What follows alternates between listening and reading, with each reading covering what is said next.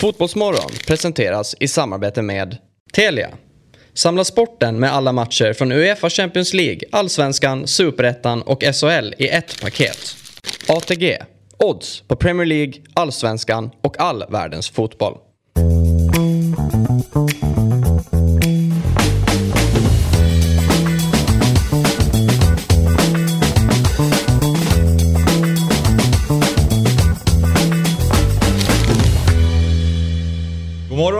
Och eh, varmt välkomna till eh, Fotbollsmorgon denna fredag 2 september. Eh, idag så sitter jag i den här studion och det är tanken att jag ska göra det tillsammans med dig Sabri eh, under fredagarna nu framöver. Det har varit lite spretigt sedan vi började men eh, idag hittar vi rätt in Ja. så att säga.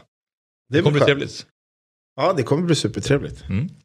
Och eh, idag har vi också med oss Marcus Tapper i studion. Välkommen till Fotbollsmorgon. Tack, tack, tack. Du sa innan vi började att eh, du har eh, ändå kollat på i stort sett varje program här eh, sen vi drog igång med det här eh, succékonceptet får vi väl ändå kalla det. Eh, visst är det mysigt? Ja, det är supermysigt. Eh, kollat är ju eh, en stretch, för jag skulle aldrig vara uppe så här tidigt. Tyvärr, så bra är den inte än. Eh, men jag lyssnar när jag går med hunden varje dag vid 10-11 snåret där. Okej, ja, okej. men du lyssnar på podden, du har följt eh, programmet Exakt. och eh, du uppskattar det. Mm. Vi är ju kanske inte först med att skapa eh, morgonradio. Eh, Det har gjorts tidigare i, Mm. i ganska många år i olika sammanhang. Men fotboll med fotbollsfokus, eh, där är vi ändå först. Ja. Och eh, det känns som att det är många som vill vakna och lyssna på folk prata fotboll. Det är känslan. Faktiskt. Alltså det, är, det har varit superkul. Jag har ju alltid varit så här. Jag har alltid tyckt att de som jobbar med radio är dårar. För de är ju uppe så här och, och sitter och pratar typ. Ja men du vet, från halv fem.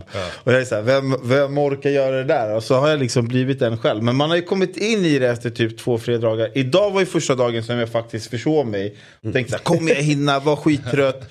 Kom hit, ska... Kom, kommer jag hinna? Som att det ändå är, liksom, det är en frågeställning du ställer innan du går och lägger dig. Det, kan, det är oklart om Nej, nej, men alltså när jag vaknade, när jag Ja, satt i bilen, jag ja, var shit, ja. jag kommer få gasa lite här.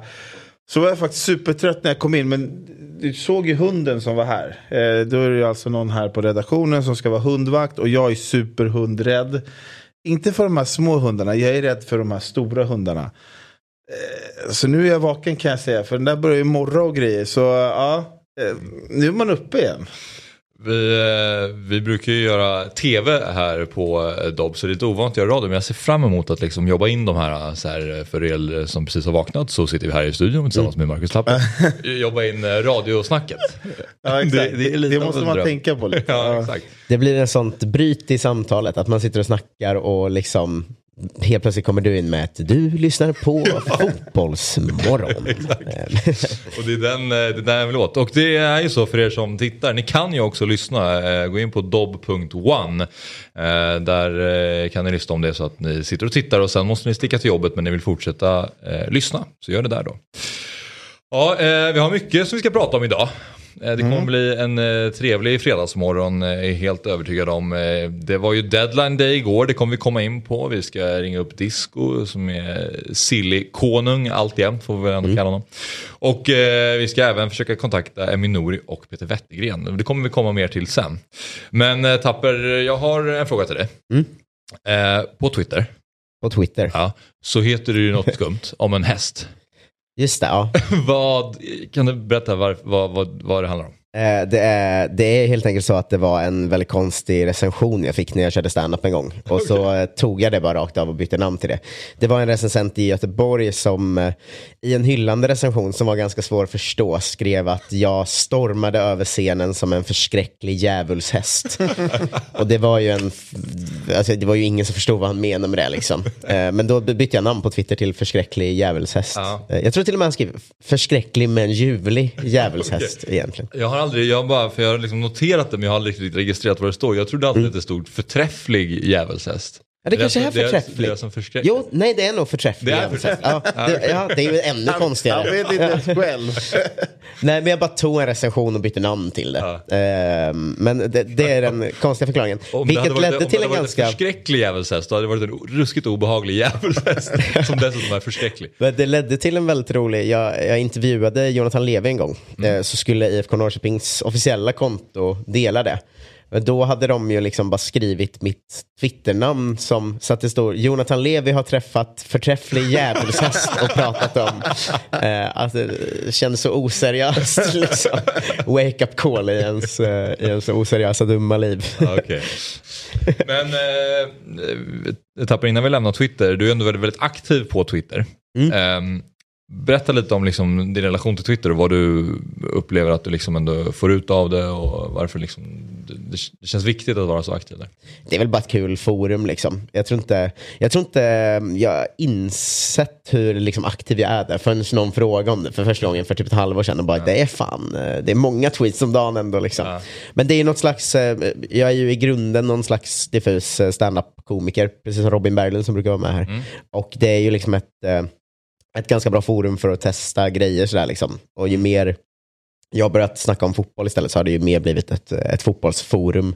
Liksom att eh, slänga ut eh, dumma åsikter om allsvenskan och sen få eh, en enorm svans aik efter sig är en väldigt stor del av min vardag nu. Ja. Men alltså är AIK, alltså, skulle säga att AIK-supportrar, de är roligast att pika. Eller har, har du några favoriter? Du, nu får du faktiskt avslöja det ändå, tycker jag.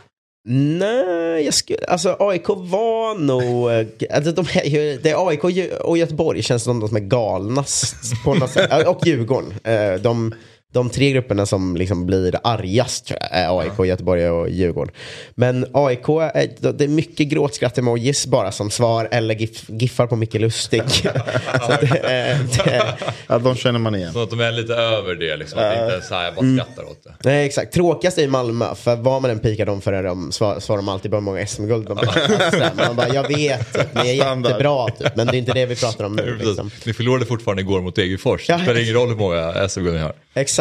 Ehm, men det är ju så här, så är väl alla supportrar, att man, man kan ju inte ta kritik om sitt eget lag. Liksom. Alltså, Man väljer ju att ja. se det som är bäst för en själv. Om det är att man torskar nyligen så är historiken det viktigaste och vice Mm. versa. Liksom. Ja, ja, verkligen. Det är, det är ju ofta jag har dragit upp liksom 13 SM-guld som, som IFK Norrköping-supporter bara som när jag inte har något annat att försvara mig med. Liksom. Ja. Att ja, men vi har tredje mest SM-guld i Sverige. Jag säger, jo men vad är det? Ni ligger ju 11 ändå. liksom. Men det, det förstår man ju att det är så folk eh, jobbar såklart. Ja. Nej men eh, du har presenterat dig själv lite grann här men jag tänkte att jag skulle bara göra det ytterligare. Som du sa, du är eh, standup-komiker och eh, har podden Kolla, Svensker tillsammans, Kolla Svensken tillsammans med Jonathan Tengvall. Och så är ni ju med i eh, Dobbs eh, program eh, Quizareta, Ja, eh, fotbollsquizen. mm. eh, satan var kul och panikartat det var att vara med där. Ja. Vad har eh, reaktionerna varit eh, nu? Vi släppte det alltså igår, eh, det senaste avsnittet. Ja, alltså de som har skrivit har ju de flesta garvat åt eh, min fullskaliga panik under gegenpress, eh, såklart. Men det är också ett moment som, jag tror inte det går att förstå hur fruktansvärt det är att genomlida om man inte gjort det. Alltså. Man ser ju klockan i bild, så man ser ju sekunderna ticka medan man inte kommer på vem Torbjörn Nilsson är. eh, men, nej, men det har ju varit gra- glada tillrop. Det är, det är roligt såklart. Liksom. Jag tror att vi har en bra roll där, för att man tänker att vi ska vara någon slags eh, losers. Liksom, Kom ju ändå in som underdogs lite grann. Exakt, och sen har jag då med mig Jonte Tengvall som kan väldigt, väldigt mycket fotboll. Ehm, så att, eh, ja men det, det, är ett, eh, bra, det är bra att gå in som underdog. Eh, det, alltså nu när vi, är vidare till någon slags playoff här, det räcker ju för oss. Alltså, vi kan ju gå längre, men det räcker ju för att vi har övervunnit liksom. Ni är vidare från gruppen Ja, ja exakt. och Vi, det var det viktigaste. Det är stort. vi kollade ju på när ni annonserade, liksom, eh, liksom satt ju Svanemar där och snackade om att de här har ingen chans och sådär. Liksom, och då kände man ju så här, klart, Jonte kan väl mer än Svanemar. Liksom. Eh, men det känns skönt att ta sig vidare. Vi ska snart börja prata lite silly season och som sagt vi ska snart ringa upp eh, disco också. Men eh, Tapper, den här eh, Jonathan Levi-storyn, jag måste bara få höra lite grann var vi är idag kring det. Och du får berätta för de som inte har koll på vad som hände. Kan du, kan du lägga ut texten lite grann? Ja, i, idag är den ju eh, ett avslutat kapitel hoppas jag nästan. Ehm, men det var ju, eh, det var någon eh, på Twitter som skrev till Jonathan Levi så här, hej jag har försökt få tag på dig, jag har inte lyckats få svar, eh, på engelska då. Eh, men v- vart kontaktar jag dig bäst? Typ så. Och då gick jag in och kollade på det kontot. Bara, det här var ju bara så att kvällssurfa liksom. Eh, och då såg jag att det stod att han var någon slags eh, fotbollsanalytiker som jobbade med U17 och U19 fotboll och vad det var sådär. Så jag kände så här, det här är lite kul att göra något skämt. Så jag bara svarade honom så här.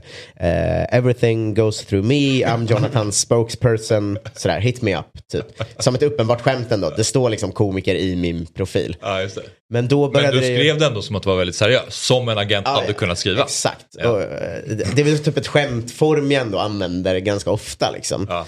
Men det här tog ju någon slags spin då, så jag började få DM som var så här, hej, jag kommer från israeliska fotbollsförbundet eh, och vi vill ha Jonathan. Vi har hört att du är hans eh, talesperson och eh, vi, tror, eller vi har kollat upp att han kan spela för Israels landslag, bla bla bla. Och jag skrev ju då, alltså jag svarade ju direkt då till den första så här att jag, förlåt, jag är under inga som helst omständigheter Jonathan Levis talesperson. Liksom.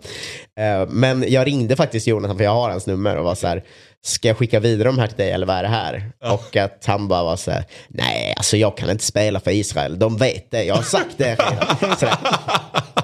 Eh, Men det, det, alltså bollen var ju liksom i rullning. Så då, då hörde nästa av sig som var så här. Hej, jag är Israels liksom chefanalytiker eh, på, på fotbollsförbundet. Och eh, vi, du, du måste fixa Levi så här. Så skrev han, a whole nation is counting on you. Eh, och så där. Agentsvindlaren. Ja, så att jag blev ju någon slags falsk agent där under en intensiv... Det här var också på semestern typ. Min, min sambo blev sur för hon bara, måste du hålla på med sånt här när vi är på semester? Du vet, jag låg med mobilen. och Här, det har jag inte förr. Ja, jo, men, Det, bara, det här är något annat älskling, det här är något helt nytt. Jag har Israels fotbollsförbund på tråden Ja, älskling. Jag måste Jag ta har det ett här. helt nytt karriärval att ta ställning till Ja, här. det är Bosse Andersson semester liksom. Att, Kom nu, vi ska bada. Nej men jag pratar med fotbollsförbundet här nu.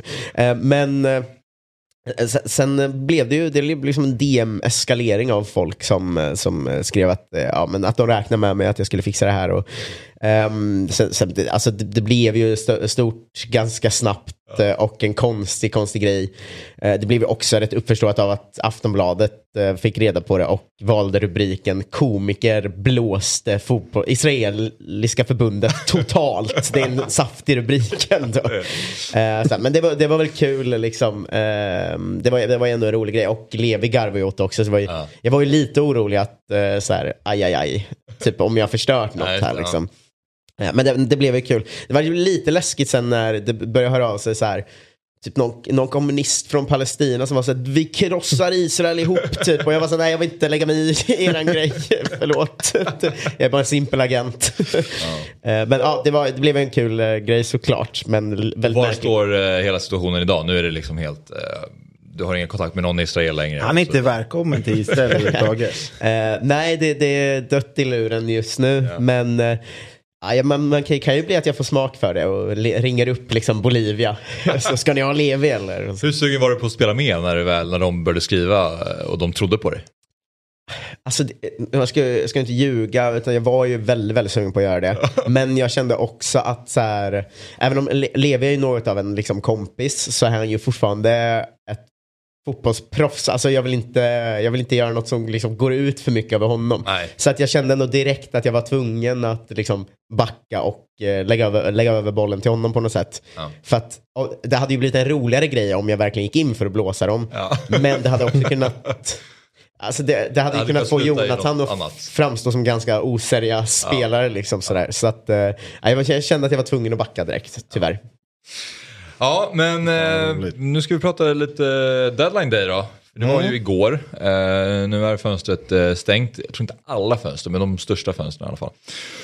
Och eh, ja, det blev ju några övergångar igår. Kanske inte de här eh, största bomberna och de här som sker 23.59 utan eh, det var väl de som man har förstått ska ske som var lite mer väntade. Typ Aubameyang att han skulle lämna Barcelona och gå till Chelsea och så vidare. Men eh, Sabri, hur, liksom, hur mycket satt du och följde deadline day igår och Alltså, tänker kring det? inte så intensivt Nej. faktiskt. Men eh, det var ju mer, jag kikade mer på mitt lag Liverpool och eh, ja, så, ja, då landade ju Arthur till slut. Eh, vilket så här, inte kittlas jättemycket, men man förstod att de behövde ha någon form av nödlösning.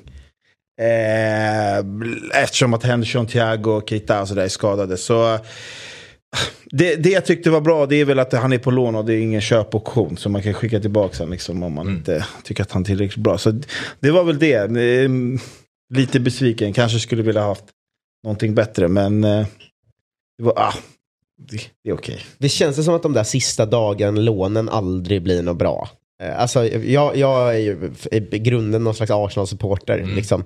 Och alla de här gångerna vi sista dagarna har lånat in någon kille från Real Madrid. Alltså, det blir ju det blir aldrig bra. Alltså. och det, för det ser ju väldigt panikartat ut också. Eh, även om de kanske menar att "Nej, det här är en spelare vi har följt länge. Så här, men jo, men varför kan man inte lösa det då innan de sista timmarna på fönstret? Det känns ju väldigt märkligt. Se höstens bästa matcher med Telia Sportpaket. Du får allt från Champions League, Allsvenskan, Superettan och SHL på ett och samma ställe.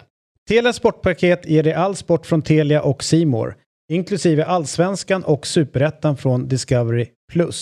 Förutom alla sporter, turneringar, ligor och matcher ser du också alla filmer och serier. Du kan även lägga till HBO Max utan extra kostnad.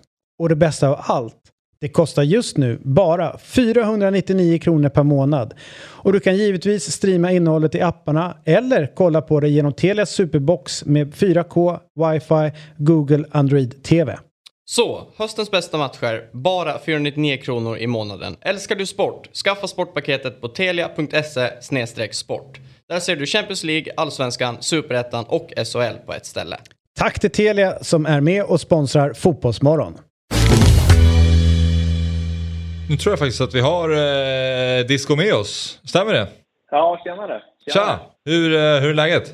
Ja, otrött som, eh, med tanke på att det var hektiska dagar här sista tiden. Men nej, nu eh, känns det kanske lite tomt att eh, fönstren har snart är stängt. Men Det blir så mycket övergångar framöver. Ja, nu går du på semester ett halvår väl? nej, inte. Men eh, lite ledigt ska jag försöka ha. Men eh, berätta om eh, gårdagen eh, för din del då. Nej, men det var, blev ju hektiskt hela dagen här. Eh, det kom ju en del övergångar eh, som gällde, gällde allsvenskan också. Framförallt Birman Sevic där var väl Mm. på väg redan för någon dag sedan. Och det var en rätt stor övergång. Så den blev det att hålla koll på. Sen kom ju Gigovic här också sist, i, i förrgår som blev klar. Eh, ja, och sen jobbade jag här på med eh, Andreas Brännström. Det har inte så mycket att göra med fönstret, men det kom ju i samband med det. Röda Stjärnan ville jag ha innan. Mm. Som assisterande tränare, Milos ville innan. Eh, han vill väl gå dit som jag fattade som. De snackar väl nu om att han ska kunna lämna i förtid. Eh, annars lämnar han efter säsongen. Får väl se vad som händer där. Det Ja. brukar ju lösa sig med, med tränare som, som vill gå, men jag tror ingenting är klart eller spikat. Hasse Larsson vill, vill väl inte gärna bli av med honom som jag förstått. Men Nej. med tränarkontrakt är det ju så att eh, ja, eh, de har väl eh, vanliga, liksom, de är, har, om det inte är något exceptionellt så har de vanliga kontrakt som, som vi anställda har. Att man har uppsägningstid och kan säga upp sig bara. Så. Ja, vi får se vad som händer där. Vad, vad tror du då i den situationen? Vad tror du kommer hända? Tror du han kommer lämna i förtid eller blir det efter säsongen? Jag vet inte. Som det, som det, som det brukar ju bli så att eh, när det är sådana där situationer. Jag kommer ihåg det var med Roland Nilsson. Det har varit med eh, en gång i tiden när han gick från Gais till Malmö så betalade de en summa. Det har väl varit så med, med flera andra tränare som har köpts loss eh, och sådär. Så det brukar ju lösa sig på Jasbagge till exempel från förbundet och till Barnsley här senast. Så att det brukar lösa sig men jag vet faktiskt inte. Hasse Larsson, sportchefen, var ju väldigt tydlig med att att han vill behålla honom, att de inte ska bryta något kontrakt. Så att, nej, det blir spännande att följa den också. Det, det är ju extremt eh, ovanligt, får man säga, att eh, svenska tränare får chansen utomlands. Jag förstår ju att eh, Brännström vill, vill gå, men Mm. till Röda Stjärnan också som ser ut att jogga hem ligan och sen har de, om de vinner så är de direkt kvalificerade till Champions League nästa år. Så att det är väl en möjlighet som få får. Men eh, AIK och Malmö söker ju också tränare. Hur sugna har de varit på brännan? Har du någon insyn i det? Jag har inte hört någonting, men eh, det det enda jag har hört med AIK är att de har eh, snackat lite grann om Bäckström och Rydström, men det gör väl alla, Mm.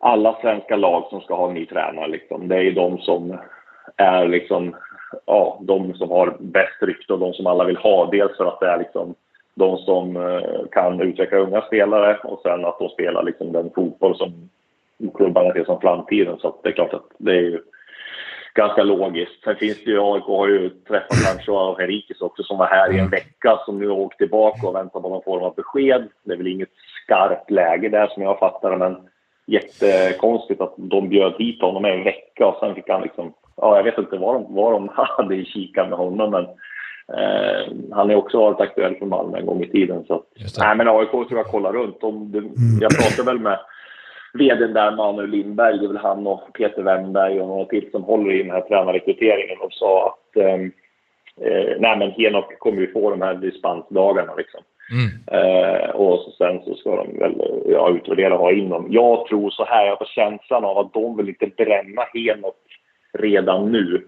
Alltså de tror ju han som en framtida stortränare i AIK liksom. Ja. Nu har han ju extremt lite erfarenhet. Han har ingen licens än som var huvudtränare. Så jag tror att jag menar, skulle han, liksom, de, de vill inte liksom bränna ut honom nu, att han skulle torska och få någon form av liksom, dålig, inte dålig stämpel, men ni hajar vad jag menar. Att, liksom, mm. De bränner honom redan nu. Liksom, så jag tror att de är väldigt måna om att, om att han ska göra det bra och att han inte ska liksom, få för stor press på sig. Mm. Så jag, inte, det, jag tror inte det är helt omöjligt att det kommer in någon nu också tillsammans med Henok. Men mm. ja, vi får se vad som händer. Men så det är Manuel Lindberg och eh, Peter, Vetter, eller Peter Wennberg eh, som eh, står för den rekryteringen och inte Henrik Jurelius då? Jo, men Jurelius är också. De har ju något som heter Tekniska rådet. Men som mm. jag fattar så är det Peter Wennberg som främst leder, leder rekryteringen av, av uh, tränaren. Men det är klart att sportcheferna och Jurelius är med också. Mm. Ja. men när vi ändå är inne på AIK. Ajari ryktades ju till AZ. Det var väl din kollega Linn Nordström som uh, breakade det. Um, vad... Nej, helt, helt tvärtom. Aha, okay. det, det, var ju, eh, ja, det var ju Expressen som skrev om att Ajari var klar för AZ, men det var ju absolut inte. Okay. Och det var inte ens aktuellt. Det var inte ens aktuellt. Så att, eh, nu, jag, jag, jag, jag, Ajari. Är det, är det Amar-övergången som eh, jag tänker på eller eh, har jag, är jag snett på det? Ja, precis. Ja, Okej, okay. det var nog den jag, ja. precis, som jag blandar ihop. Exakt. Men eh, har du någon, ja. om vi bara återgår till Ajari-situationen då, har du någon insyn i, i vad som händer där? Ah, vad som händer med Ajari? Ja, exakt. Ja, är, men alltså, han har pratat med, med oss på Aftonbladet och där, där säger han ganska, han var ganska tydlig med att det aldrig varit aktuellt. Han har aldrig varit i Holland. Det var inte ens något intresse mm. från, vad heter det, från eh, AZ. Så det var, det var ingenting där. Nej, okay. Jag vet att han följs av flera klubbar sådär, men mm. inte att uh, det var speciellt aktuellt. Mm. Uh, ja, men uh, några andra rykten under fönstrets sista timmar, var det några sådana som nådde dig? Om du kan dela med dig av. Ja, men det var, ju, det var ju en del affärer på gång. Leo Väisänen var ju på väg att sälja till Zürich. Eh, men där så sprack det precis i, för någon dag sedan. Jakob Ortmark var också på väg till Bercheva, men där var, där var vad heter det, eh, Norrköping inte så pigg på att sälja. Så att eh, där så blev han kvar. Mm. Eh, ska se om det var några fler. Det var några sådana där som var i luften också, men de var... Det fanns intresse på Jola Soro också, men där var det okay. inget så skarpt läge. Och de, Djurgården var ganska klar med att de skulle vänta till januari. Okay. Och om de skulle vilja sälja honom. Liksom. Eller de kan tänka sig att släppa honom i januari, men de är väldigt måna om att ha kvar honom säsongen ut. Jag ska bara göra den här grejen som jag har eh, drömt om att få säga då, att eh, ni lyssnar på Fotbollsmorgon och eh, vi har med oss eh, Daniel Kristoffersson för nytillkomna lyssnare och tittare. Eh, reporter på Sportbladet, eh, även kallad Disco, för jag gjorde ingen ordentlig presentation för dig Disco när du kom in här i, Nej, i sändningen. Men jag tänker att de flesta har koll på dig. Eh, men Birmancevic till Toulouse är jag lite mer nyfiken på. Vad, har man någon övergångssumma där? Nej, Bermancevic såg jag Expressen skrev att det var 50 miljoner. Jag tyckte det där lät kanske lite högt, men samtidigt kanske inte eh, så eh, ologiskt med tanke på att Malmö inte var desperat av att, att sälja och att eh, Toulouse hade precis fått in eh, 8 miljoner euro när de sålde en annan ytter. Så jag tror att, eh, jag tror att det ligger någonstans däremellan. Eh, 4 till 5 miljoner euro för Birmancevic. Okay. Jag menar, han har ju varit bra. Det var Hasse Backe som sa att han skulle gå för 100 miljoner för ett tag sedan. Då var han riktigt bra i Champions League. Men sen har, han har ju varit bra, helt klart. Men, men så bra har han inte varit. Med. Så, han vill iväg. Malmö ser väl att ja, han kanske har nått sin peak hos oss. Och ja, det är läge att sälja. Så att, eh, jag mm. tror att det var win-win för båda där. Men nu är eh, fönstret stängt och eh, du har ju såklart eh, jobbat intensivt och följt det noga. Vilken klubb skulle du säga har agerat bäst den här sommaren? Man får säga Hammarby har gjort det bra med tanke på att de fått in det som Berisha som är ju en klassvärvning. De har gjort en del föryngringar i truppen. De har gjort en del bra försäljningar. Så jag får säga att de är rätt bra. AIK får man säga har ju räddat upp ekonomin med den här försäljningen av Trippel A som gör att de får ju ett riktigt bra fönster också med tanke på att eh, de eh, behövde så, eh, var desperat efter pengar, de fick pengar och sen så ja, fick de de här Alexander Isak-pengarna också. Så den, den veckan som de hade där måste ekonomi, ekonomichefen ha hjulat i jobbet liksom. Mm. Det var att säga AIK och Bayern då. Sen är det ju, ja, Malmö har inte gått så bra i, i allsvenskan, men jag tycker ändå liksom att de värvar Mustafa, Mustafa Zeidan och betalar rätt mycket pengar, men han har ju varit hur bra som helst. Så att, ja. ja. det är många klubbar som har gjort det bra liksom. Disco, stort tack för att du tog dig tid att vara med här i Fotbollsmorgon. Ja, tack så mycket. Eh, och tack, tack. Eh, ha det trevligt nu på din eh, sex månaders semester som väntar. Då. ja, tack. ja, tack, hej! Hej. Vi ska prata lite transfers också. Vi kommer eh, inom kort också ringa upp Emin Nouri bara för att ta ett litet sidospår från eh, transfermarknaden. Och Hylla, prata va? lite om, eh, ja det ska hyllas för ja. att han tränar ju Oskarshamn som slog ut Elfsborg igår i Svenska Cupen. Eh, Emin Nouri, är du med oss? Ja. ja. Eh, kan du inte berätta om eh, matchen igår när ni slog ut Elfsborg i Svenska Cupen? Du är nu alltså tränare för Oskarshamns AIK som spelar i division 1. Ja, men eh, ja, vad ska man säga? Jag fick ju ta över det för ett antal veckor sedan och så här. Så vi kämpade på i träsket där i ettan och sen tog oss vidare i cupen och igår ställdes vi mot Elfsborg. Mm, så ja, en eh, eh, rolig match att spela och så här. Eh, låg lite olägligt. Vi har en ny match imorgon mot Gais men, men, men utifrån de förutsättningarna om den morgondagens match i åtanke så med lite tur och så här så jag vet inte, det föll väl ut. Vi backade hem och, och tänkte att vi skulle försöka vara ett kompakt lag och, och, och minimera deras eh, ytorna för dem. Mm. tiden fick de ju så här så sen och kunna ta tillvara på någon fast situation, något, något inkast. Um, ja, så, så, som det brukar vara. Så här. Och där föll det väl väl ut och killarna samarbetade och samverkade på ett bra sätt. Och, um, jobbade bra med presstäckning och så här. Så, och, och, och, när vi fick det här målet så blev det mer, en mer ängsliga och började spela en mer vertikalt och diagonalt tidigt. Mm. Och det var till vår fördel. Så kort och gott, lite sådär. Eh, stort för oss. Eh, de har gjort tidigare killarna. Vi har några killar som har varit med och gjort en resa innan och sen att vi tillsammans med den här gruppen mm. lyckades göra det. Det eh, var, var stort ju. Så, mm. så det, var, det var roligt. Mm. Så, ja, lite så. Hur mycket trycker du som, hur mycket trycker du som tränare på förhand på att så här, visst de är ett allsvenskt och, och, och, bättre lag i grunden, men de har inte vunnit på 12 matcher. Det, det är ganska sargade psyken. Liksom. Hur, hur, mycket är det en grej man trycker på som, som tränare inför en sån match när man möter ett, kanske bättre men ganska formsvagt lag? Liksom? Nej, men vi, vi, vi nämnde det och, och, och vi gick även igenom hur de släpper till mål och lite annat. Sa vi det att de, de har ett eh, svagt självförtroende för tillfället och de får inte... De presterar väldigt bra men får inte med sig resultatet. Sen är det alltid så här, man kan säga det till truppen och till spelarna, men, men vad betyder det? Ja, de har dåligt självförtroende. Ja, okej. Okay. Vad ska man göra med den informationen liksom? Så, ja, jag säger till dem, de har dåligt självförtroende. Men det, det sa vi. Och då försöker jag väl... Eh, ja, de har dåligt självförtroende och vad kan vi göra åt det? Nej, men kanske se till att vi får in bollen i boxen och se till att kan vi flytta bollen både en och två gånger är det frisparkslägen att vi, vi är bra organiserade liksom och se till att bollen kommer in dit och det blir en andra boll och de, de är lite osäkra, kanske utnyttja det på det sättet eh, så här. Mm. Och, och, och, lite så, hur kan man omvandla det till vår fördel? Typ så här. Och i detta fallet var det väl lite där vi såg större möjligheter tänkte vi. Så. Mm. Uh, och sen ju mer tiden går så, så kunde det bli jobbigare för dem att Sen ibland rätt, ibland fel. Jag vet inte. I slutändan, eh, spelarna gjorde det bra, samarbetade bra. Så här, och, ehm, ja. Det var kul. Det var bra. Stort för oss och gav oss, ger oss mycket energi som vi kommer behöva framförallt att få känna att man är ett bra lag och att vi är duktiga och, och, och defensivt också. Så, här. så ehm, ja, framöver i serien. Tack för att du tog dig tid i alla fall. Och det var eh, fint Ja, att höra. Det tack. var i alla fall en eh, trevlig skalp i Svenska cupen så det uppskattar vi. Tack, tack själva. Tack så mycket. Ha det så bra. Hej då. Tack. Men eh, vi hoppar lite fram och tillbaka här men vi ska hoppa tillbaka till eh, transfermarknaden och eh, nu Marcus tänker jag att eh, du ska få presentera en liten lista som du har förberett.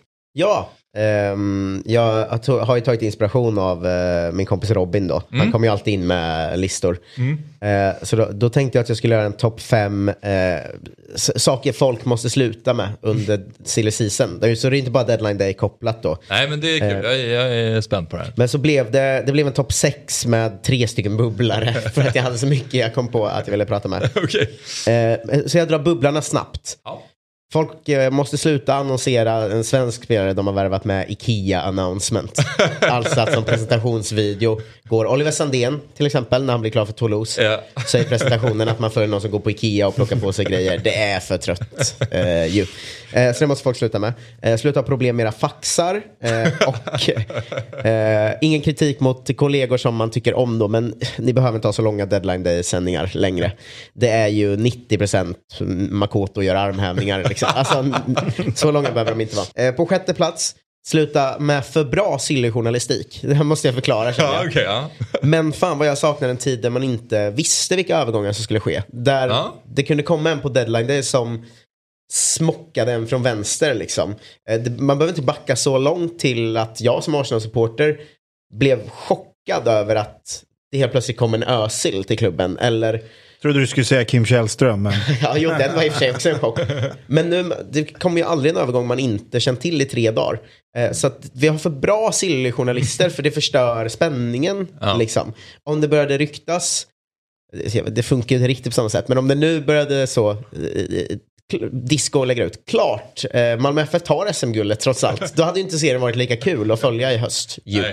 Eh, så, Men, för, men den är fin för det är också lite paradoxalt för man, man sitter ju ändå också och törstar efter och man, Ja. man, man liksom letar efter nyheter och bara jag vill veta. Mm. Men precis som du säger, egentligen så är det ju mycket roligare när det bara oj han är presenterad. På femte plats, eh, det här har vi varit inne på lite faktiskt idag med Art, eh, Arthur här då. Ah. Eh, Men känsligt hejdå-brev till fans. Det, det får du bara göra om du är en klubblegend. Ja. Så det har blivit fullständig inflation i det ju. Någon kille som liksom går från Klubb Brygge till Sampdoria och ett halvår senare går vidare till Everton. Du behöver inte lägga ut något till Sampdoria-fansen. Alltså, Du måste inte göra det. Alltså jag fattar, om när en klubblegend som har varit i tio år på samma ställe och vunnit Ja. de, tre första titlarna den klubben har tagit. Det är klart han ska göra ett känsligt farväl. Liksom. Men ni andra behöver, alltså om du varit i ett eller två eller tre år i en klubb, det behövs inte. Ingen supporter bryr sig att du går. Nej, men alltså, jag, där är, jag är fullt med det. Jag menar typ Arthur som spelar tre matcher för Juventus. Hur, hur gjorde han ens en video? Du vet? Var det från en och samma match han tryckte ut lite så här, highlights på passning i sidled? Liksom, och bara Thank you Juventus. Nej, där är så Alltså, jävla, jag är så med dig. Senaste som jag reagerade på igår var ju Hector Bellerin som nu är klar för Barcelona. Mm. För att han, han hade ju världens längsta avskedsbrev till Arsenal-supporterna. Ja. Eh, och som ändå, så du är ju verkligen måltavla här Mm. som ska bli träffad av det här brevet. Men i min bok så lämnade han Arsenal för väldigt länge sedan. Eftersom Mm. han har varit utlånad till eh, Real Betis. Eh, inte, en eller två säsonger liksom. Ja. Så det blev, för mig blev det så här, vänta nu, jaha just det, han tillhör, tillhör fortfarande Arsenal. Det var det första jag tänkte på när jag ser det här brevet. Mm. Inte så här, oh vad känslosamt nu. Så nya Arsenal-supportrar känns som att borde väl ändå ha liksom klippt de banden sedan några år tillbaka. Ja, alltså han var ju en spelare man gillade väldigt mycket. Det ska Ja. man inte sticka under stol med. Och han, han var ju så true gunner och hade tat tatuering och allt vad det var. Men, men som du säger så hade man ju glömt lite att han tillhörde Arsenal. håller Fjärde plats, det här är mer något jag stör mig på som supporter då. Jag vet inte hur stört det är egentligen. Men när klubbar annonserar att de har värvat en spelare med video och allt som vanligt. Allt är coolt och fett och oh, vi har en ny spelare. Sen kommer det ut ganska snabbt att det bara är ett lån. Ja. Vad är det för någonting? Då måste, det måste ju stå med i grundtweeten ju. Alltså det, jag tycker det händer ganska ofta nu. Att de annonserar, här är vår nya eh, brasse eller vad det nu är. Han kommer vara här i två månader. Ja, det kommer, men det kommer ju ut efter alltid sen. Att det är ett års lån liksom. Men annonserar det inte som en övergång först då? Tredje plats, skaffa fräschare slogans än here we go och då åker vi. Det är för dåliga slogans. De, de, de har levt för länge nu. Eh, Det är ju roligt att de kör catchphrase. Det är ju de enda journalisterna som har en catchphrase, är ju Silly-journalister. Ja. Väldigt få andra journalister som kör ett matchreferat och alltid börjar med här är jävlar. Eller liksom. Eh, Då åker vi! Och sen börjar jag köra liksom. Exakt. Oskarshamn eh, började bra första halvlek. Eh, exakt, men eh, bättre slogans och lite mindre lika varandra kanske. Eh, Och färre slogans som är emotes. Eh, det är många som kör bomb, bomb, bomb eh, och sånt som sin slogan. Men kan du, har vi några, du får kanske återkomma med det då, med lite förslag på nya slogans till Mm. Ja, herre jävlar var ju en ganska bra Ja, trick. herre jävlar, är kul faktiskt. Jävlar i min lilla låda. Kan inte du börja varje tweet med det oavsett vad du tweetar? Herre jävlar utropstecken. Sen så här, igår var en sorgsen dag. Ja, eh, andra plats. Eh, Silly-journalister har en grej på gång som jag aldrig sett en annan journalist göra och som är så himla konstig. Och det är att de ganska ofta börjar sina nyheter, eh, inte när de här breaking-journalisterna, utan nu tänker jag mer på de som skriver om potentiella övergångar och rykten och sådär. De börjar ofta sina nyheter med att skriva eh, det här kommer inte hända, ta det här med en nypa salt. Eh, nu är det dags att öppna saltgruvan kompisar. Att så här, ja, men om du vet att en grej inte kommer hända, behövs den artikeln då? Verkligen.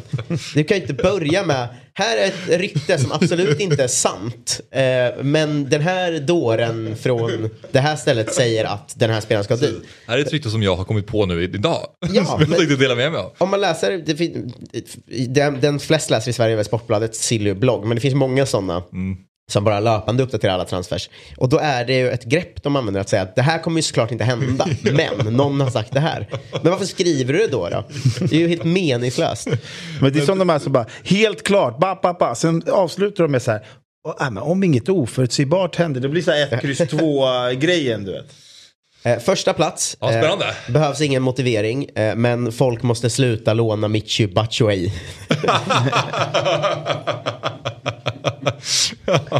Får vi upp hans CV här eller? Jag kan kolla, den var faktiskt väldigt, väldigt rolig. Vänta nu, han blev klar igår för uh, Fulham. Fulham. Fulham. Eller vad? Nej. Nej, Nottingham. Nej, Nottingham, Nottingham. såklart. Värvat tänkte, då var 28 det så spelare den här sommaren. var det Fulham var ju viljan Då ju. hade jag sett ryktet om Nottingham och sen blev det Fulham, det hade varit ännu värre. Ja, eh, precis, Fulham var uh. Ah, Batshuayi, vi ska se han alltså Chelsea och sen lån. Hur kan han fortfarande Dortmund. tillhöra Chelsea? Alltså, Det är bisarrt faktiskt. Helt sjukt. För att om han skulle skriva sitt långa avskedsbrev till Chelsea-supportrarna. så bara, men du har inte tillhört Chelsea sen liksom, millennieskiftet. Chelsea, eh, lån till eh, Dortmund. Där han gjort sju mål på tio matcher. Han var Eh, jättebra Det var ju där han var eh, Batman verkligen, eh, på riktigt. Och sen Valencia, Crystal Palace och sen står ett ytterligare ett lån till Crystal Palace, jag vet inte om de förlängde och sen besiktas och nu någonting. Ja, det kommer inte lossna. Fan, jag tyckte det var en riktigt bra lista. Jag, jag tyckte många var väldigt roliga och eh, väldigt träffsäkra spaningar också. Eh, jag tänkte så här att jag ska bara gå igenom de eh, hetaste övergångarna från gårdagen. Eh, och sen så om det är så att ni vill kommentera någon av dem snabbt så får ni göra det. Men annars så, så brassar jag på här. Vi hade alltså William som vi nämnde till fulla. Eh, Kursava också till fulla. Akanji till eh, Manchester City. Eh, Dubravka till Manchester United. Vi har eh, Aubameyang till Chelsea. Eh, Billy Gilmore till Brighton. Idrissa Gana Gueye återvänder till Everton. Känns som ett bra eh, liksom, nyförvärv för Everton egentligen. De behöver ju alla spelare de kan få och ändå komma tillbaka Ja. från PSG. Verkligen.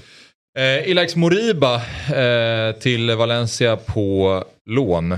Och eh, det här tillägget här i ett episk presentationsvideo. Jag vet inte om du har sett den. Eh, du hade inte så mycket fokus på just presentationsvideos i din lista. Men det var, då var det en Pokémon-video. Ah. Så fångade de... Eh, eller jag tror att Ilaix själv som fångade en fladdermus. Eh, Oj, men, ja, ja, men jag tycker presentationsvideos, det är ju kul. Sen så kan man ju såklart eh, påpeka väldigt många fel de gör i dem. Eh, sådär. Men är det en bra presentationsvideo eh, brinner man ju ändå lite för. Där, Så enkel är man ju som som Nej, människa och konsument av fotboll liksom. Men man brinner ju inte för en, en presentationsvideo som bara är coola slowmo-bilder men att den är snyggt gjord. För att det finns det i överflöd. Man brinner ju för presentationsvideos som gör något nytt. Jag har ju Man fått en presentationsvideo vet ni va? Har du? Alltså när jag skulle börja podda för IFK Norrköping fick jag en sån eh, slowmo. Du fick det? Jag går, sätter mig vid ett bord, tar, tar en mick-video. Vilket var roligt för att folk blev ju Ja, men de blev glada för att det var en kul grej, men också lite besvikna för att det kom ut en presentationsvideo och det hinner ju gå 20 sekunder innan man fattar att det är ingen ny spelare, det är alla poddare. Jävla Det besvikelse. lång tid att folk tänkte nu kommer nästa islänning. Exakt. Så var det, så var det, var det bara- var det en förträfflig djävulshäst. Ja. Eh, Julian, eh, Julian Draxler till eh, Benfica. Och sen har vi Dennis Zakaria, eller Zakaria till Chelsea på lån. Ja men den är sjuk. Ja, den är lite Eh, märklig alltså, så här, också. Juventus som ändå gör en stor värvning och sen eh, är ni där knappt ett år och sen ska han lånas ut till Chelsea. Så. Mm. Och Chelsea känns ju som att fan, borde de inte göra sig av med lite eh, mittfältare? Liksom, de har ganska, de är inte tunna där direkt liksom, utan de har... Nej, den eh, känns ha gjort lite eh, intressanta grejer här under den här sommaren. Um, Dest till AC Milan på lån från Barca. Som jag en gång i tiden i Eurotalk Weekend har beskrivit som världens fjärde bästa högerback. Oj, Och fått Har, en har, du hört, har du hört något värre? Det är en konstig åsikt. ju säga. Ja, ja. Spänstigt. Jag har fått mer skit för det än vad jag har fått hyllningar för det kan man säga. Vi gjorde listor på bästa högerbackarna inför förra året. Och eh, det var väl lite också för att provocera alla andra i studion för att jag vill ha med en Barcelona-spelare. Men jag tycker att han är underskattad och jag tycker inte att han riktigt har fått sin chans och jag hoppas att han kommer flyga nu i AC Milan. Eh, Omar Sadik eh, från Almeria till eh, Real Sociedad och det här ska väl vara Alexander Isaks ersättare då, som ska ta över från honom i Sociedad. Sen har vi Artur Melo till Liverpool som vi har pratat lite om. Eh, också, vi, vi har kommenterat det lite grann men vi kan återkomma dit eh, alldeles strax. Men eh, Batshuayi till Nottingham, Hector Bellerin och Marcos Alonso dessutom till eh, Barcelona, Birmancevic till Toulouse och James Garner till Everton från Manchester United. Hoppla! Är det sant? Vi får information här om att Batshuayi aldrig blev klar för Nottingham. Eh, så då får vi ta tillbaka eh, allt vi har sagt om eh, Batshuayi. Inte, I och för sig inte, att han, han, han blir ju fortsatt utlånad och folk vill ju låna honom uppenbarligen, eller eh, klubbar. Men att han eh, var klar för Nottingham tar vi tillbaka det. De såg eh, min eh, lista, över- den läckte på någon jävla iCloud igår och de var så här, jaha, man ska, man ska tydligen inte låna honom. Ja, precis. Ja, men då, eh, då tar vi tillbaka det då. Men eh, vi går vidare i vårt program och jag tänkte så här. Så blir. Under fredagarna så ska vi ha ett litet moment som vi kallar för On this day då. Eh, För det är ju lite populärt där ute på eh, primärt Twitter att man eh, tar, lyfter fram lite inom klubbar och fotbollskonton att man lyfter fram vad som hände just den här dagen för ett visst antal år sedan. Och min plan är att man backar ett år tillbaka i tiden. Mm.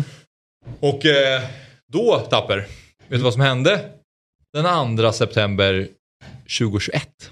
Eh, ingen aning faktiskt, måste jag säga. Men tänk så här då, det, var, det är ju höst. Mm. Brukar vara klubbfotboll men också brukar eh, hamna lite grann i landslagsfotboll. Ah, var uppehåll den här tiden förra året. Mm. Vad fan hände förra hösten då? Mm. Nej, jag visste inte heller faktiskt. Nej, jag, nej, jag har ingen aning alltså. Det, har man, var någon, eh, ja, men hade vi vårt kval då eller? Ja, precis. Med herrarna? Det var ju så att det var VM-kval. Just det, och vi gick in i en höst där det ändå kändes som, eh, här har vi superläge och kvalificera oss eh, för VM ja. Det stämmer bra. Mm. Eh, Sverige öppnade ju kvalet väldigt starkt, eller åtminstone resultatmässigt. Jag tror att första matchen var mot Georgien, eh, man vann med 1-0 och sen om det var Kosovo kanske, jag minns inte. Men sen, Mm. 2 september, då mötte Sverige Spanien. Ah, Tog emot Spanien på eh, Friends Arena och eh, minns du vad det blev i matchen?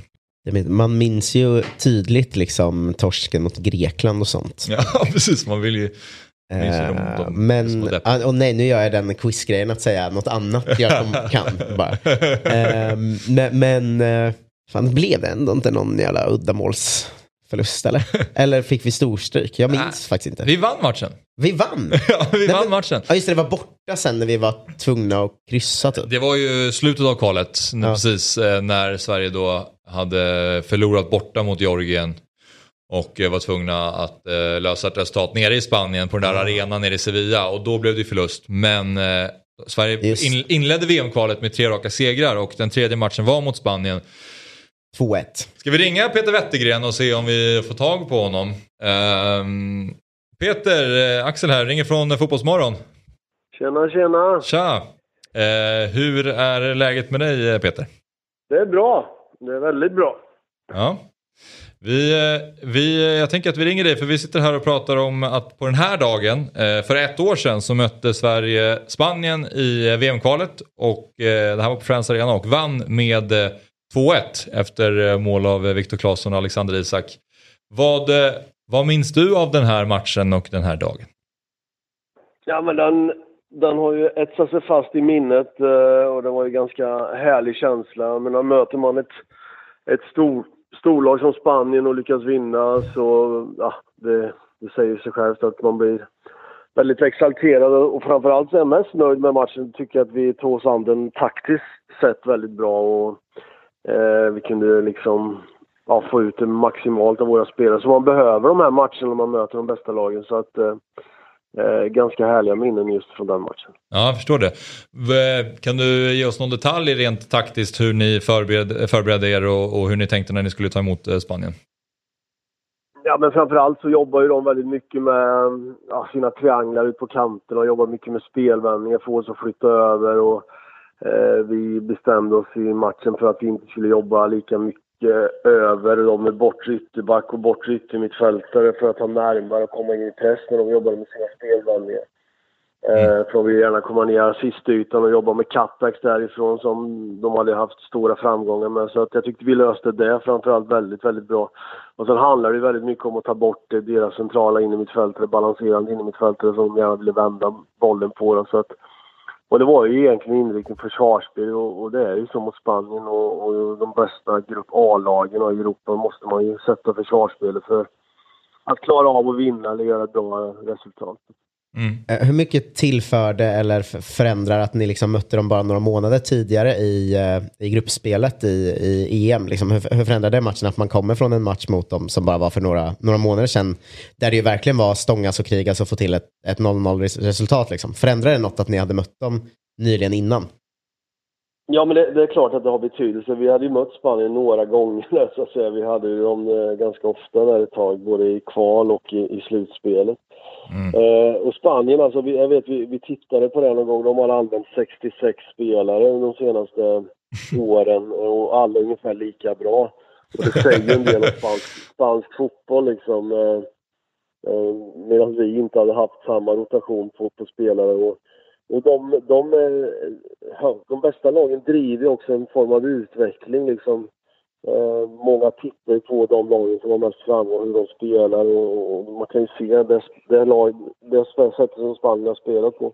Det är många lag som, som spelar i Allsvenskan idag och även i övriga Europa. Och jag vet jag var nere i Valencia på ett studiebesök här för några år sedan och då sa han, tränaren i Valencia, ni i Sverige ni är väldigt duktiga, eller ni i Skandinavien är väldigt duktiga, ni ligger alltid några år efter. Och det ligger kanske lite i det så att säga, men han, då tyckte vi hade andra styrkor genom att, att vi jobbade som ett lag och att vi var duktiga och satte vår organisation. Och, Mm.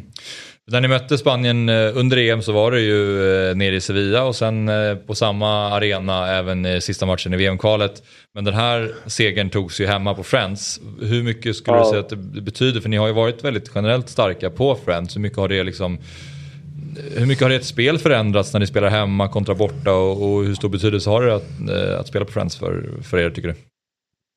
Nej men alltså Friends är ju våran borg, hemmaborg och med, med, med våra fantastiska fans i ryggen och eh, så känner vi oss trygga där liksom och, och vi, vi bedriver också alla träningar där så det, det har jättestor betydelse.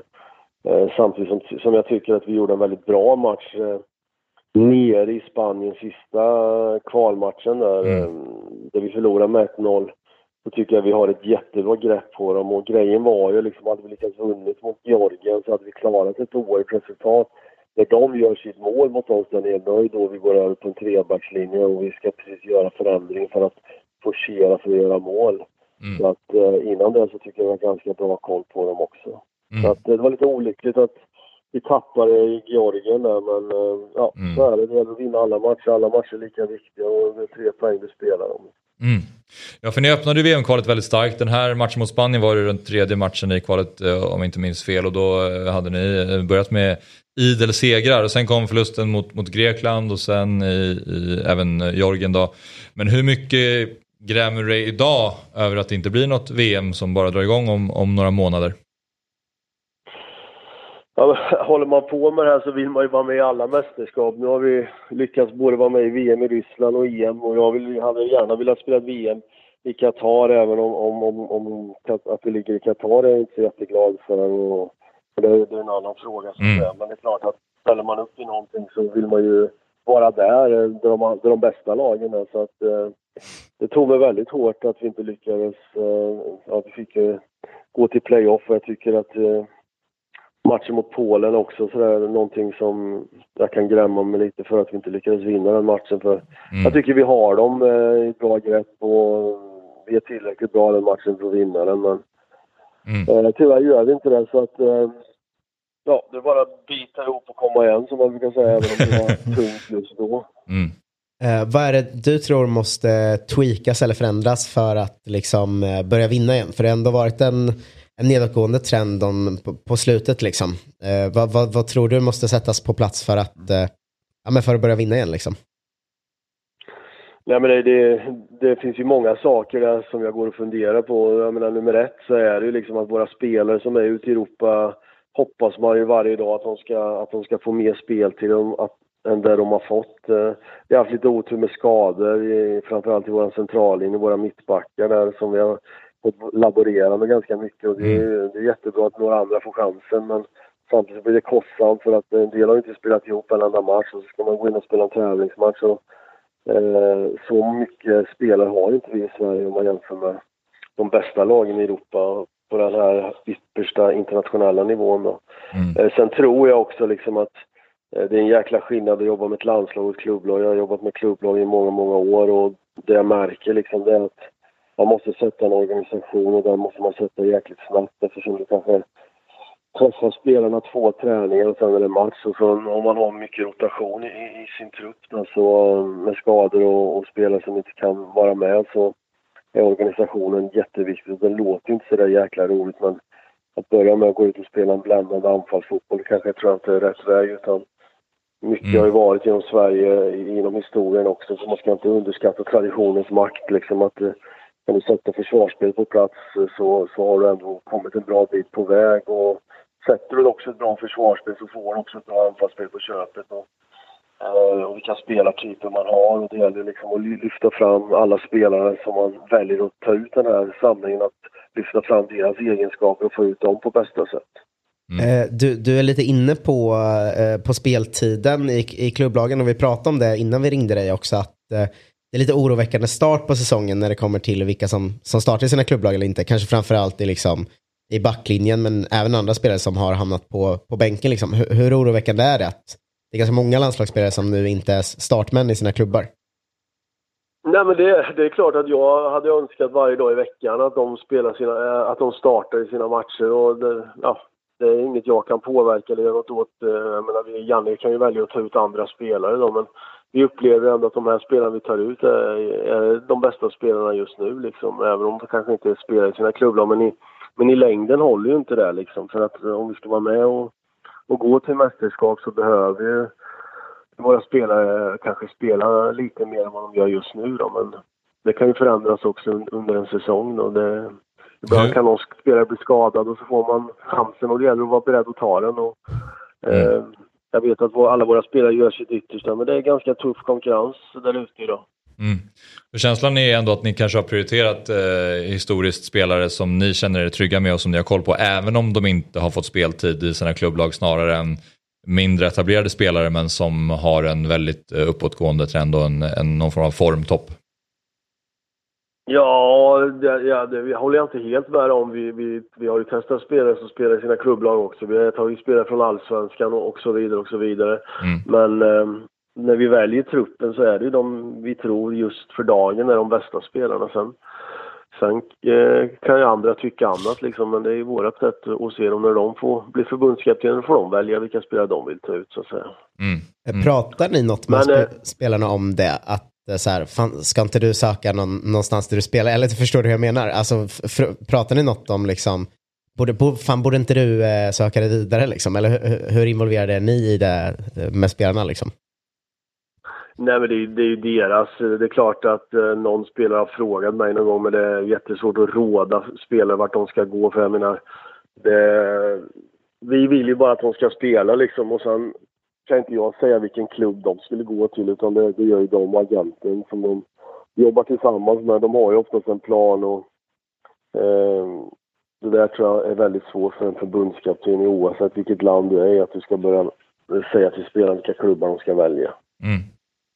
Men Peter, eh, vad väntar härnäst nu då? Det är eh, Nations League i slutet av eh, september mot Serbien och Slovenien och sen efter det så är det lite så här, det är VM-kval i, eller EM-kval i, i mars. Det, det känns som att det är lite, um, att det, det är inte den mest intensiva landslagsperioden nu framöver.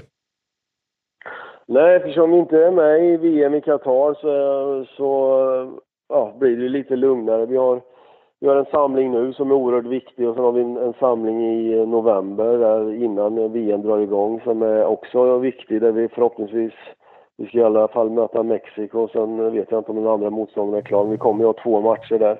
Och det blir ju någon form av förberedelse inför EM-kvalet som startar i mars. Och, Eh, vi ska göra allt för att gå till det EMet. Jag vill inte missa ett mästerskap till och då, då, då är den här hösten väldigt viktig. Dels genom att vi har de matcherna vi har och vi vill ju avsluta Nations League på bästa sätt för att få någorlunda bra ranking till EM-kvalet så det är jätteviktigt. Mm. Men sen blir det ju också att besöka våra spelare och, och åka ut och titta på dem, träffa dem, prata med dem, förbereda dem så mycket som möjligt även om man inte kan påverka för mycket under deras eh, vardag i sina klubbar. Men det blir lite break där också för dem när VM i Qatar är och på något sätt försöka prata med dem och och peppa dem och förbereda dem inför det som komma skall i mars då för att eh, då smäller det liksom och då ska vi vara så väl förberedda vi kan. Mm. Innan vi släpper det Peter, kan man få en liten inblick i liksom hur din arbetsvardag eh, ser ut när, du, när det är mellan eh, landslagssamlingar? Just nu är det fullt fokus på samlingen i september. Eh, vi har haft ett möte nu med fotbollsgruppen runt A-landslaget och det har varit jag, Janne och målvaktstränaren Mats och scouten och analytikern. Där vi går igenom motståndare, vi går igenom vårt eget spel, utvärderar förra samlingen. Eh, nu eh, all fokus på liksom, presentationer, träningar, taktiska upplägg, eh, trupputtagning. Så Mm. att just nu är det ganska hektiskt. Mm. Ja, Jag förstår det.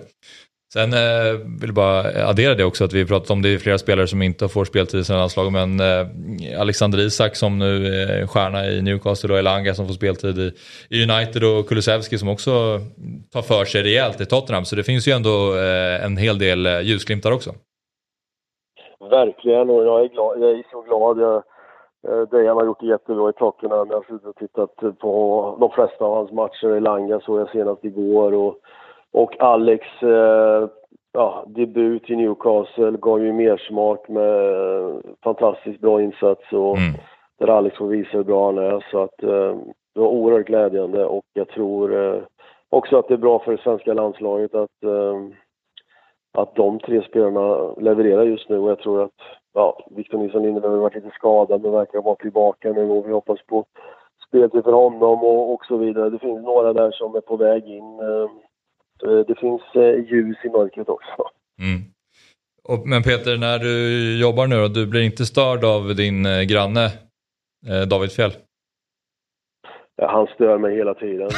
Men, nej, skämt åsido. Det är en väldigt bra granne som eh, trevligt att att- att slänga lite käft och prata lite fotboll då och då när man träffas i trappuppgången. Och han fyllde i år igår så jag ringde faktiskt och gratulerade honom. Så att, Ja, fint. eh, jag tror att, eh, att jag ligger bra till även om ja.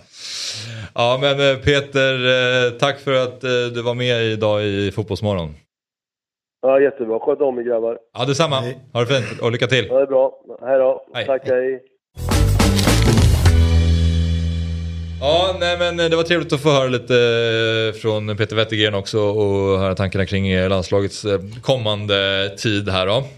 Nu ska vi gå över till kvällens höjdare och Big Nine och kvällens höjdare som presenteras i samarbete med Telia och ATG. Och ikväll Sabri, då är det Celta Vigo och Cadiz 21.00 mm. på Simor. Och sen så eh, får vi se om kanske Viljot Svedberg får några minuter i Celta Vigo. Än så länge ingen speltid för Viljot. Nej, det, hade varit, det är väl lilla ljusglimten i den matchen. Att man kanske ska få se honom. Eh, jag var väl rätt.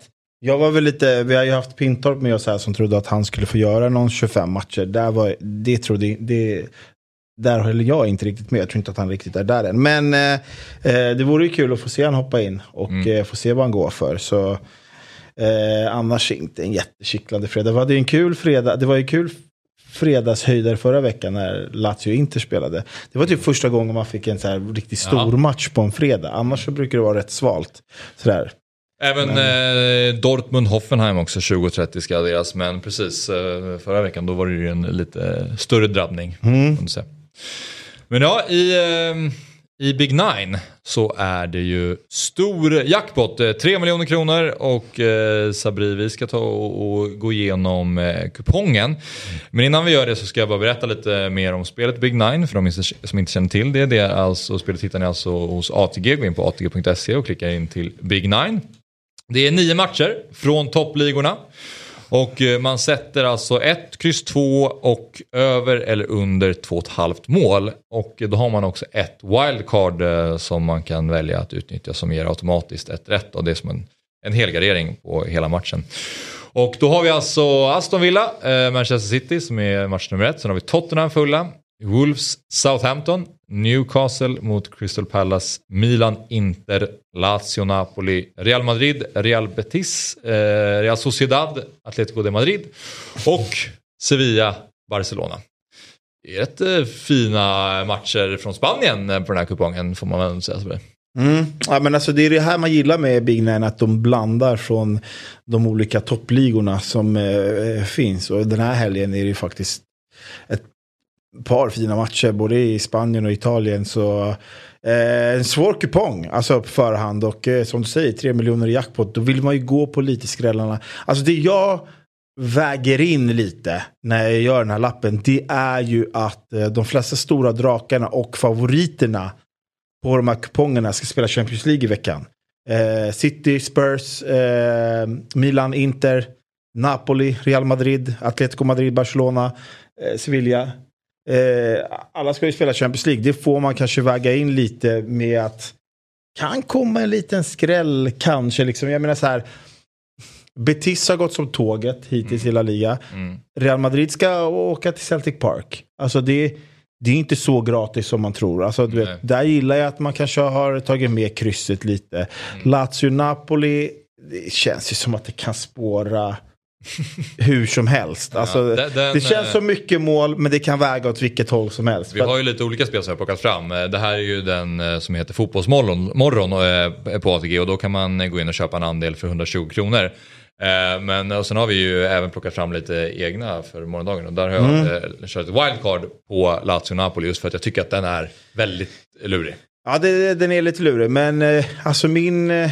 Alltså vi har haft två sju rätt här i rad. Men alltså min tanke lite med Big Mind är att man måste man kan hitta ett par eh, skrällar och det är inte alltid bara att liksom så här, jag menar Manchester City är ju en spik tvåa men du har ju skrällen på att eller du har ju lite lägre procent på att det ska vara under 2,5 mål. Så man behöver inte alltid tänka så här, åh men vad tråkigt att jag spikar City.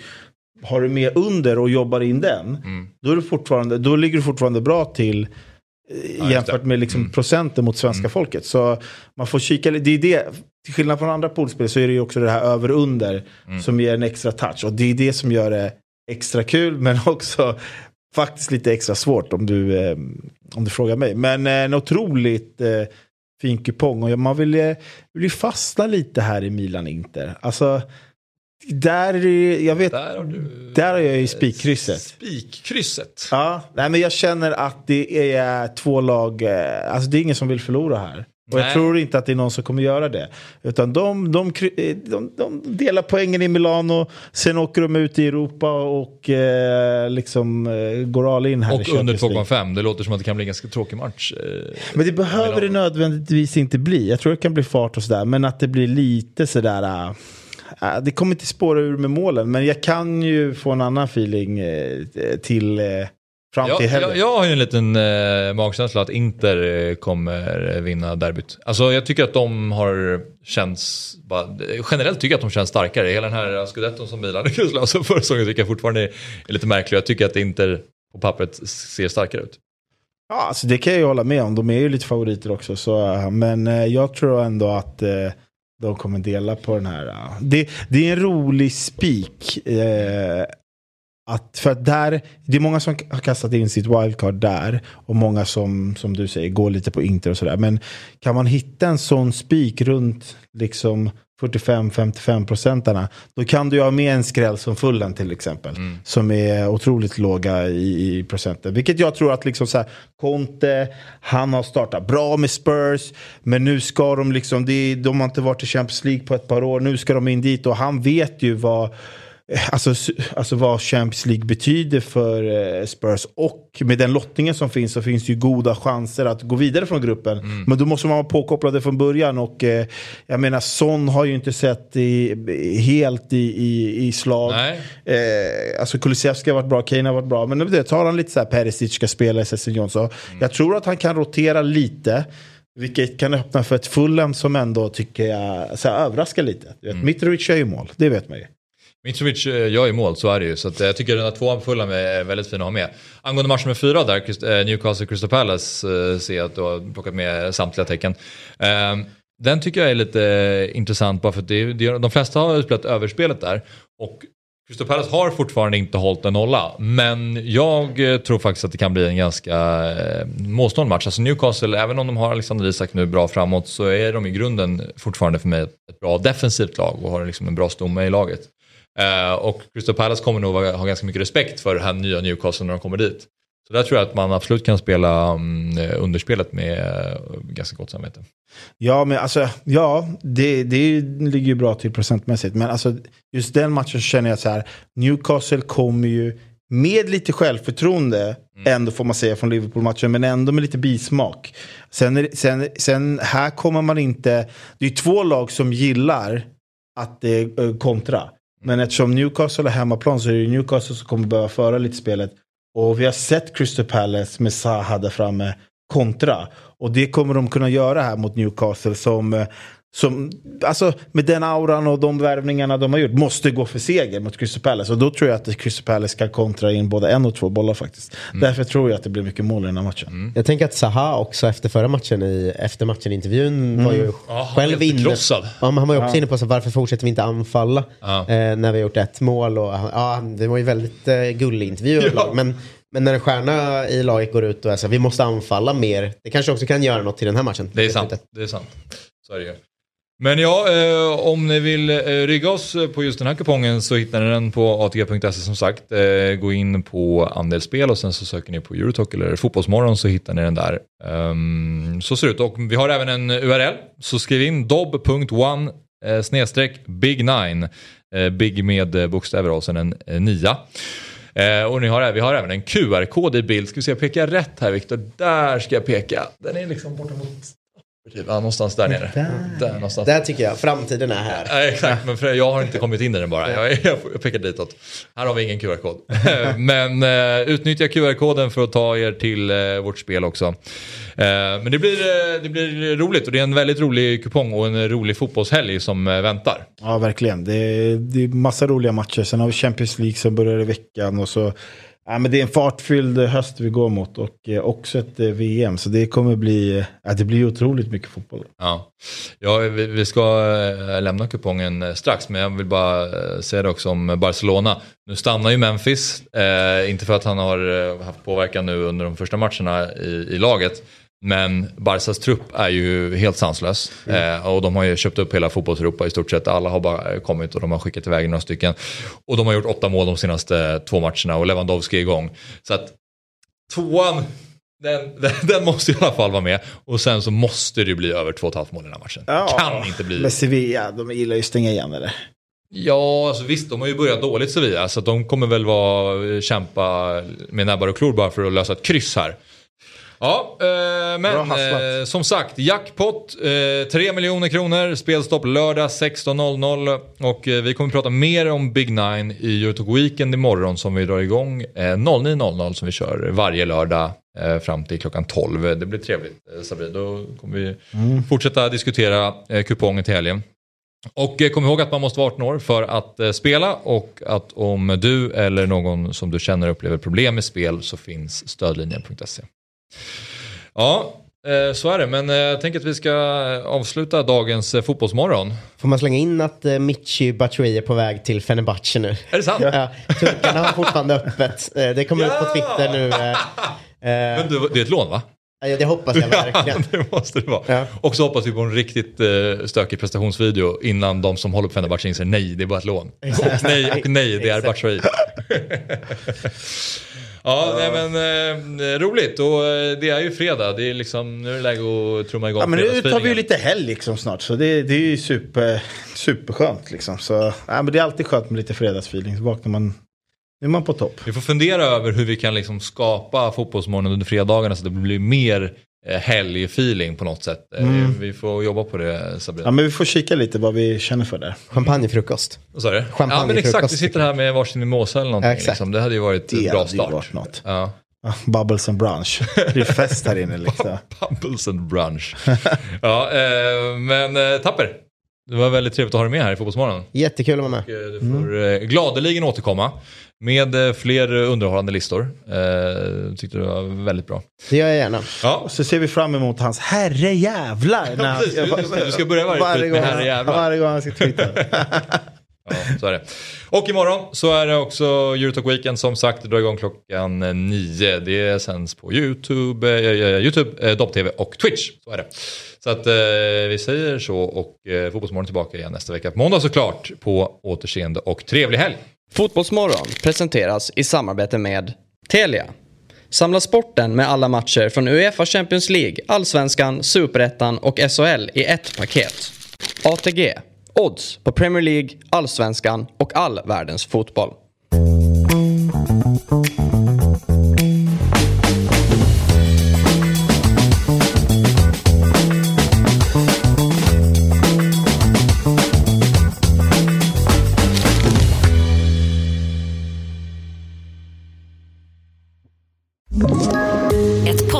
Från Podplay. I podden Något Kaiko garanterar östgötarna Brutti och jag, Davva, dig en stor dos skratt. Där följer jag pladask för köttätandet igen. Man är lite som en jävla vampyr. Man har fått lite blodsmak och då måste man ha mer. Udda spaningar, fängslande anekdoter och en och annan arg rant. Jag måste ha mitt kaffe på morgonen för annars är jag ingen trevlig människa. Då är du ingen trevlig människa, punkt. Något Kaiko, hör du på Podplay. Därför arkadeinerna.